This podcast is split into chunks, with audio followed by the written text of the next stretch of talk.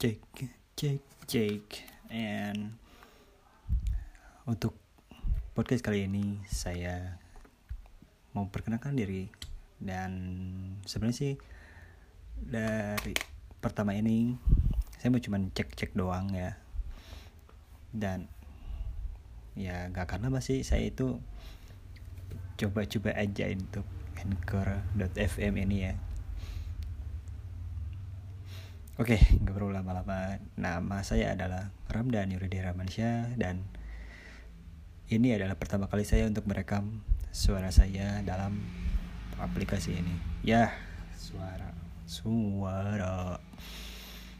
Jadi kalau seandainya ada crash-crash atau suara-suara yang gak jelas di selain suara, eh selain nada suara ngomong saya, nah abaikanlah itu ya.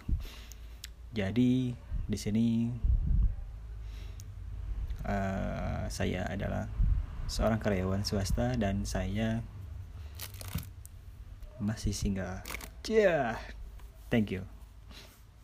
Oleh karena telah dirancang demikian rupa dan kita telah terbawa perasaan dan terkoneksi dengan filmnya. Makanya pas kita lihat plot twistnya yaitu ternyata di bawah tanah itu adalah mayat ibunya. Dan tiba-tiba Norman memakai make up dan baju ibunya.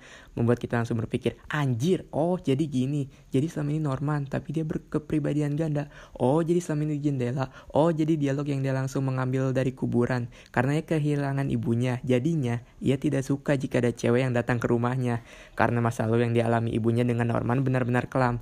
Makanya, Norman memiliki penyakit kepribadian ganda dari gejala-gejala tersebut. Jika plot twist dihasilkan dan kita langsung bereaksi, oh ya juga ya, dan langsung mengingat dialog-dialog awal.